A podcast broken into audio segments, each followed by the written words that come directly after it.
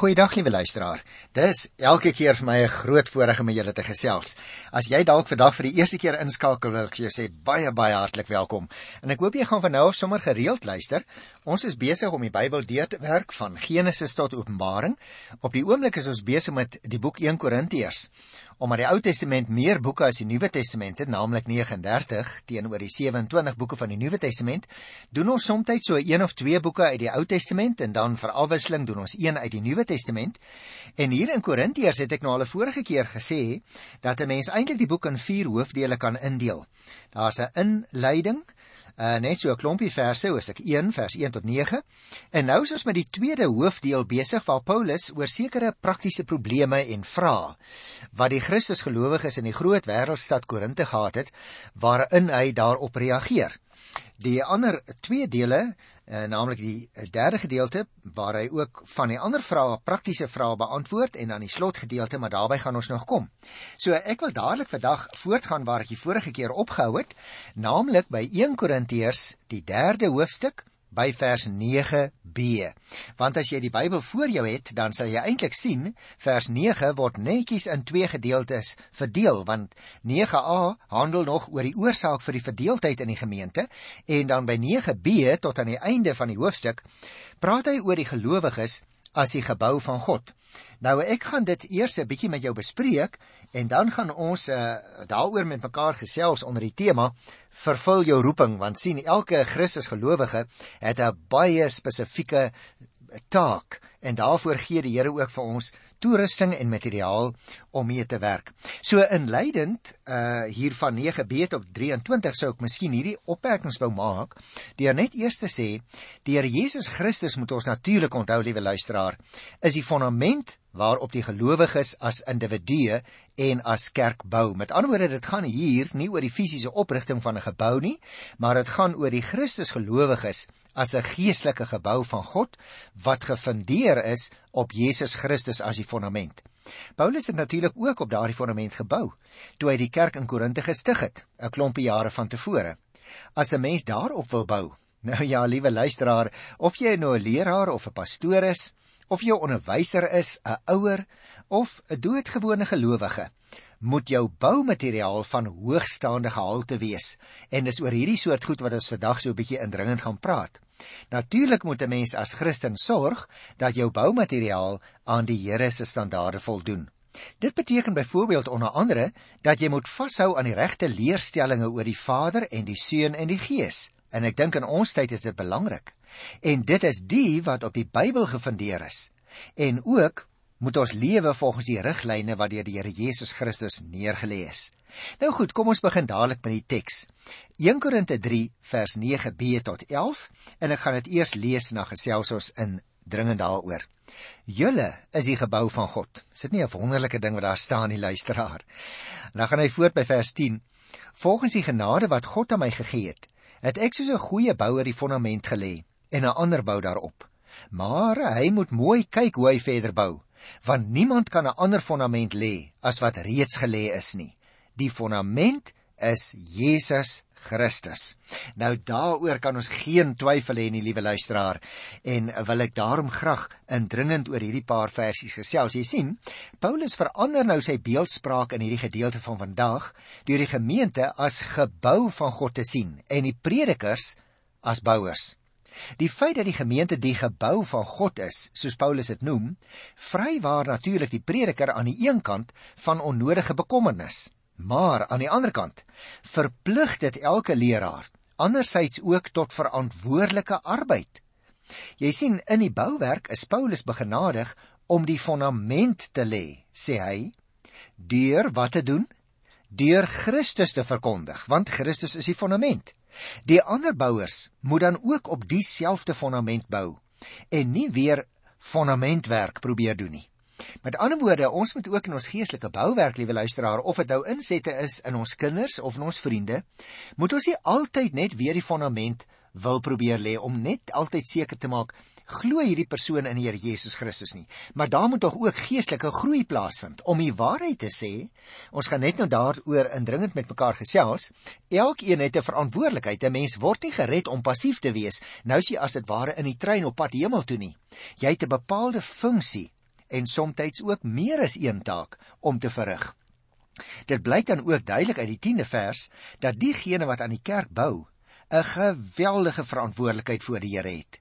Paulus wou natuurlik nie vir Apollos kritiseer nie, maar toekomstige kerkleiers herinner aan die verantwoordelikheid wat daar op ons elkeen rus, ook op my as 'n doodgewone gemeenteleraar hier in Pretoria. Die werk wat elke prediker lewer, sal getoets word by die oordeelsdag. Die wat die toets deurstaan het, sal loon ontvang, terwyl brouwerk sal vergaan. Nou ja, dit weet ons ook elkeen in ons eie beroep nie waar nie. As jy droog maak en jy is sommer besig met 'n spul bouwerk of jou ehm um, materiaal is nie baie goed nie of jou skeep die manier waarop jy jou werk doen af, dan gaan jou bouwerk nie staande bly nie. En daarom as 'n mens nou vers 10 en 11 saam lees, dan kom daar nog 'n aspek by. Want jy sien die Here Jesus Christus is die fondament van die kerk. Die ideaal is dan ook natuurlik dat elke gelowige geestelik volwasse en sensitief sal wees en die regte leerstellings sal aanhang om in ooreenstemming te wees met die fondament Jesus Christus. Jy sien liewe luisteraar, die gemeente van Korinte was vol hout en gras en strooi as 'n mens die opvolgende versies ook mooi lees. Die lidmate was met ander woorde onvolwasse. Dis die bedoeling van die beeld wat die apostel gebruik. Hulle was nie sensitief vir mekaar nie. Hulle het met groot ywer agter dwaalleringe aangeloop. Jy sal onthou ons het in die vorige program daaroor gesels in 1 Korinte 3 vir al die eerste 4 versies. Daarom wil ek sê dis geen wonder nie dat hulle soveel probleme en soveel oneenigheid in die gemeente gehad het, nie waar nie. Elke gemeente moet stewig, dit wil sê, in leer en in lewe in Christus gefundeer wees. En elke lidmaat moet die Here Jesus persoonlik ken en toegewyd aan hom lewe om sodoende die toets te kan deurstaan. 'n Gebou moet ons altyd onthou, is maar net so stewig soos sy fondament hoor. Dit is die basis en die grondslag ook natuurlik van die Christelike gemeente, die Here Jesus self. Verdere bouwerk geskied alleenlik op die vaste fondament Jesus Christus. Dit wil sê op grond van sy verlossingswerk. En luister nou hier as ons vers 12 tot 15 lees. Of dit dan goud, silwer, edelstene, hout, gras of strooi is waarmee iemand op die fondament bou, elkeen se werk sal aan die lig kom. Die dag wanneer Christus kom, sal dit duidelik word. Die dag kom met vuur en die vuur sal die gehalte van elkeen se bouwerk toets. As iemand se bouwerk bly staan, sal hy beloon word. As iemand se bouwerk verbrand, sal hy nie beloon word nie. En tog sal hy self gered word, maar soos iemand wat uit die vuur geruk is. Nou ek dink oor hierdie gedeelte moet ons ook so 'n bietjie indringend met mekaar gesels. Want 'n mens kan 'n gebou verwoes deur met die fondament te begin Peter of met minderwaardige boumateriale te bou. En ek wil dit duidelik sê, liewe luisteraar, in ons tyd is daar sekere persone wat uh, ook uh, voorgee om besondere insigte te hê en dan vra het oor wie die Here Jesus werklik was. Was hy werklik die seun van God? En soms word dit aangebied as nuwe insigte. Maar ons moet onthou in Bybelse tye het mense al reeds daaroor getwyfel. Daar was reeds dwaalleraars en ketterye. In daardie verband jy kan gerus gaan lees in 1 Johannes agter in die Bybel, dan sê daardie soort ketterye ook daar optel. Met ander woorde mense wat as ek dit met respek mag sê, uh met Jesus Christus die vaste fondament wil lol en Peter dan moet die rooi ligte vir ons aangaan. 'n Kerk wat in die ware sin van die woord kerk wil wees, kan nooit op die fondament van enige iemand of enige iemand anders bou as die Here Jesus Christus nie. Jy sien, Jesus Christus is die enigste fondament vir die kerk. Dis Paulus se hele argument in hierdie gedeelte. Hy sal ook bepaal wat elke leraar se bydrae tot die lewe van die gemeente is en hy sal ook bepaal op die oordeelsdag wat elkeen se werk en motiewe in werklikheid was terwyl ons hier in die wêreld besig was en veronderstel om besig te wees met geestelike bouwerk ook. God sal uiteindelik besluit wie Jesus se opdragte getrou uitgevoer het en wie nie. Dit geld natuurlik ook, liewe luisteraar, van elke lidmaat, maar veral van die voorgangers se dienswerk en hulle lering aangaande wie die Here Jesus Christus in werklikheid is. En daarom is die fondament en ook die basis van ons hele lering in ons program, die Bybel vir vandag, alleen die woord van God. En dit is waarmee ons besig is om te probeer sê en ek besef dit is baie keer hier en daar 'n bietjie moeilik miskien, want ons hanteer geweldig baie stof, maar ons probeer om dit wat daar in die skrif staan uit te lê en ons vry te hou van verskillende dogmatiese leringe van kerke en denominasies. Verskillende verklaarders en ek wil tog interessantheidshalwe daarop wys, liewe luisteraar, verskil soms oor wat presies word bedoel met goud en silwer en edelstene en uh, natuurlik nou ook die ander materiale wat die apostel hier noem. Een opvatting laat dit byvoorbeeld dui op die inhoud van die prediking. 'n Ander siening sê dit is die materiale wat die Christene beskrywe. En daarvoor verwys hulle ook graag na 1 Petrus 2 vers 5. Dit lyk vir my persoonlik en dit is nie om 'n keuse te maak nie. Uh dit lyk vir my maar net uh die mees aanneemlike verklaring dat daarmee die manier van bou aangedui word. Jy sien die saak van belang lyk dit vir my is of elke bouer ooreenkomstige sy eie aard pligsgetrou gearbei het.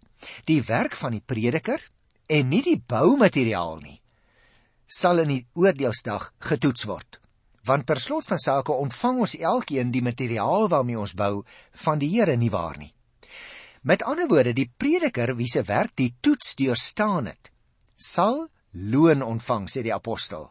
Die prediker wat aan die ander kant swak werk gelewer het, sy werk sal vergaan. Hoewel hy self soos iemand wat uit die vuur geruk is, sê Paulus, dit wil sê ternouer nood gered sal word. En kom ons kyk nou na vers 16 en 17. Weet julle nie dat julle die tempel van God is en dat die Gees van God in julle woon nie?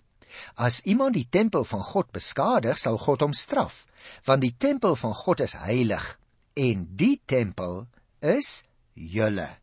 Ag, dis 'n wonderlike uitspraak hier. Paulus sê nie, moet jy nou oplet, dat die Heilige Gees by ons individueel woon nie. Gaan kyk maar ook uh by hoofstuk 6 by die 19de vers, maar ek sal dit behandel as ons daarby kom. Maar hy sê ook dat God in elke gemeente woon. En daarom is die gemeente van die Here Jesus so belangrik, want God se Gees woon wel individueel in elke Christus beleier, maar die Gees van die Here woon in die algemeen ook in die gemeente as geheel.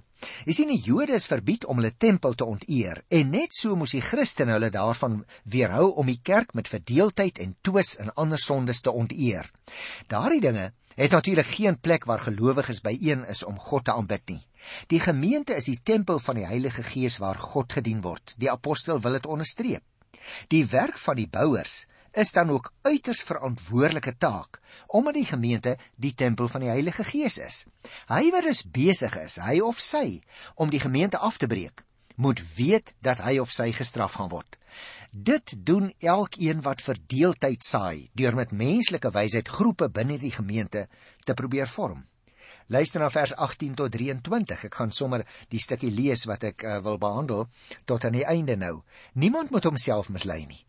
As een van julle dink dat hy volgens die maatstaf van hierdie wêreld 'n wyse persoon is, moet hy dwaas word sodat hy werklik 'n wyse mens kan word.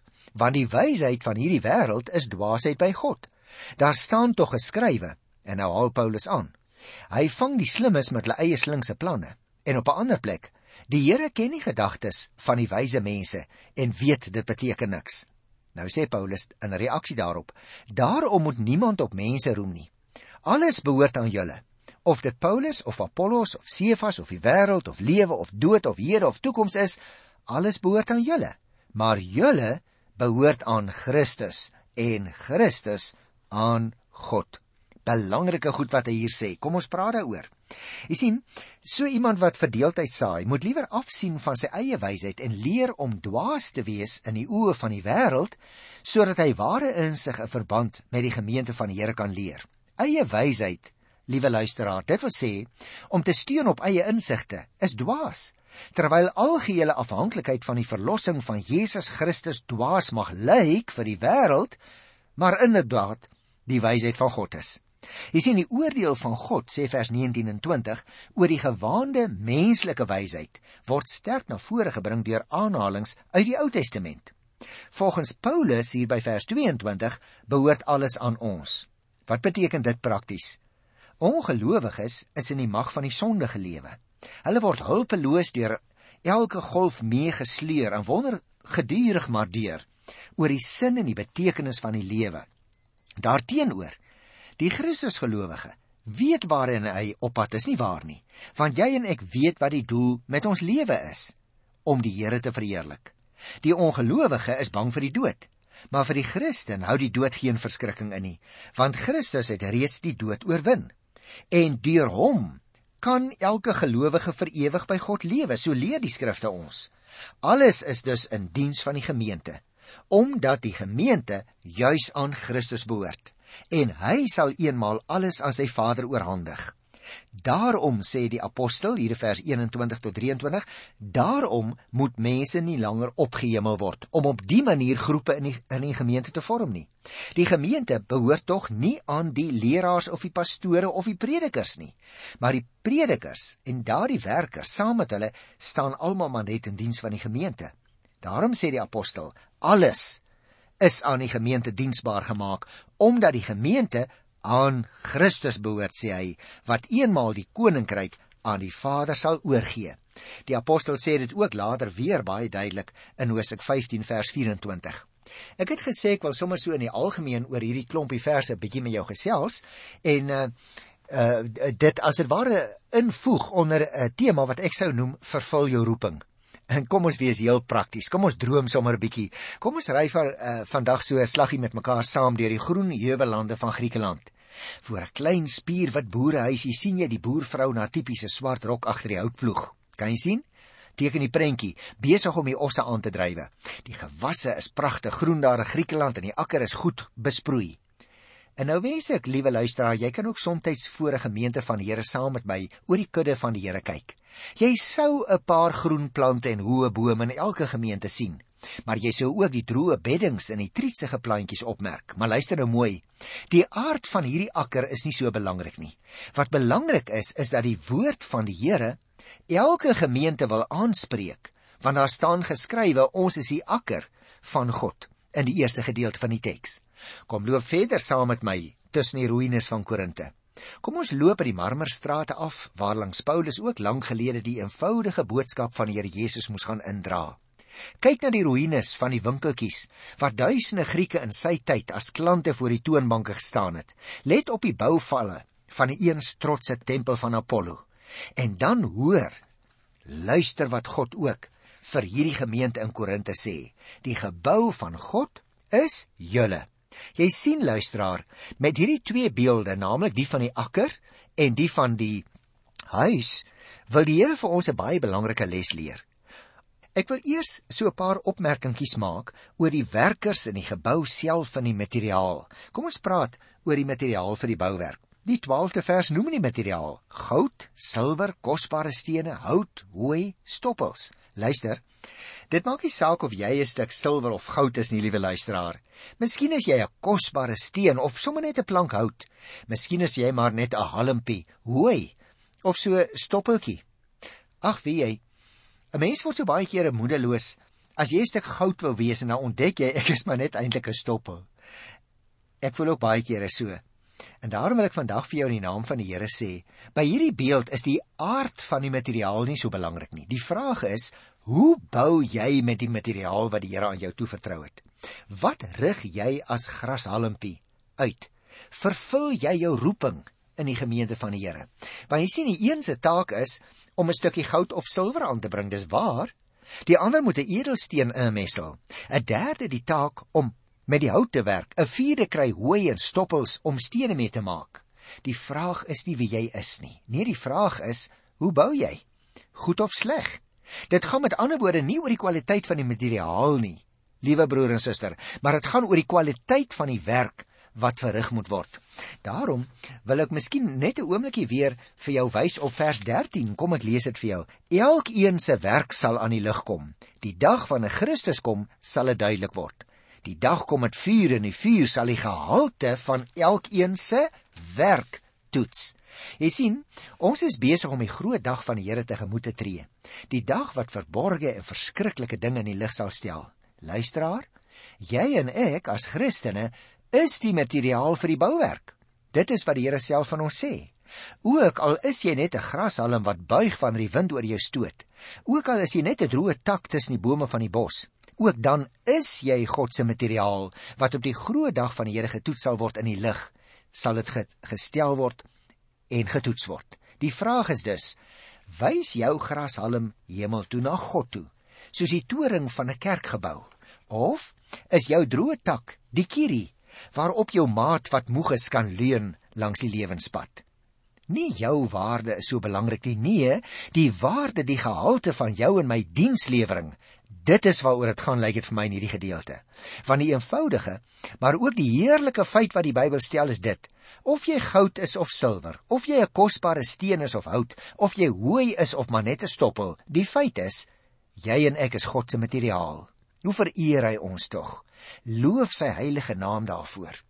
Maar ek wil ook nog weer 'n keertjie stil staan na die gebou self te kyk. Jy sien, as dit nie die Here se Bybel was wat hierdie ding van jou van my geskryf het nie, dan sou ek dit nie wou geglo het nie, hoor.